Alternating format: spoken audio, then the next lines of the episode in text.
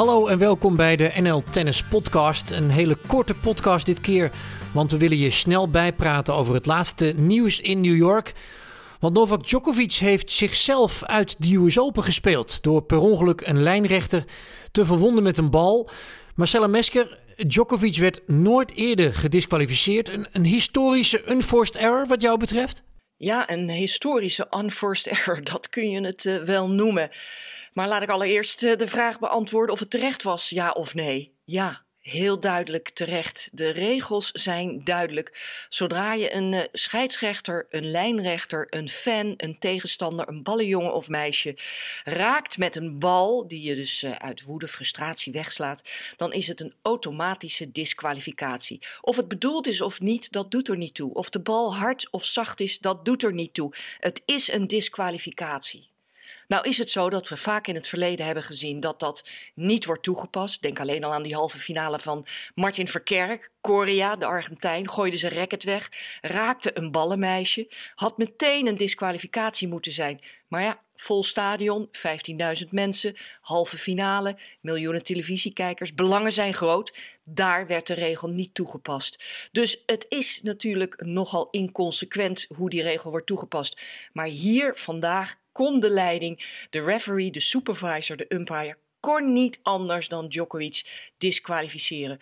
Ongelooflijk veel pech voor de Servier. Want hij was natuurlijk duidelijk op jacht naar die 18e Grand Slam titel. Hij was op koers, was dit jaar nog ongeslagen. 26-0.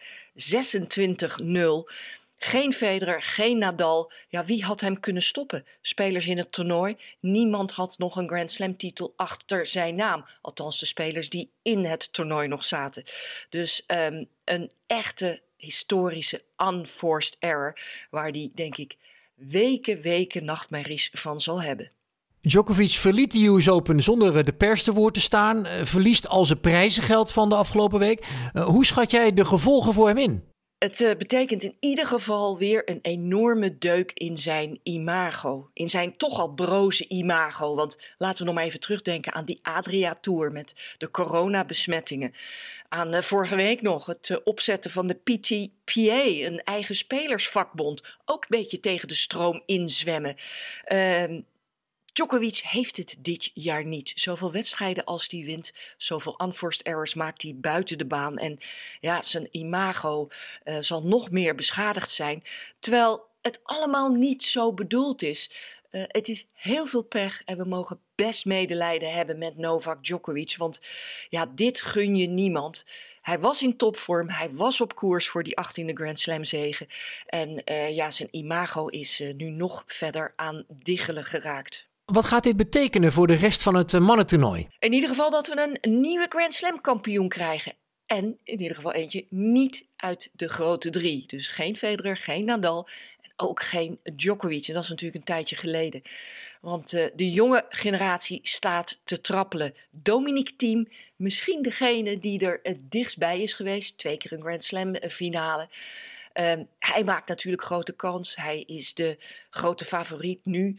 Uh, achter uh, Djokovic was hij dat al. Maar goed, we moeten ook kijken naar Alexander Zverev. Staat bijzonder goed te spelen. En wat te denken van Daniel Medvedev, de finalist van vorig jaar. En dan hebben we nog die twee jonge Canadezen. Auger Aliassime en Shapovalov. Die staan ook heerlijk te tennissen. Dus dat het een speler wordt uit deze jonge generatie, dat denk ik wel. En ja, misschien is dat wel goed voor het mannentennis. Hoewel dit natuurlijk op een hele bizarre en uh, dramatische uh, manier uh, tot stand is gekomen.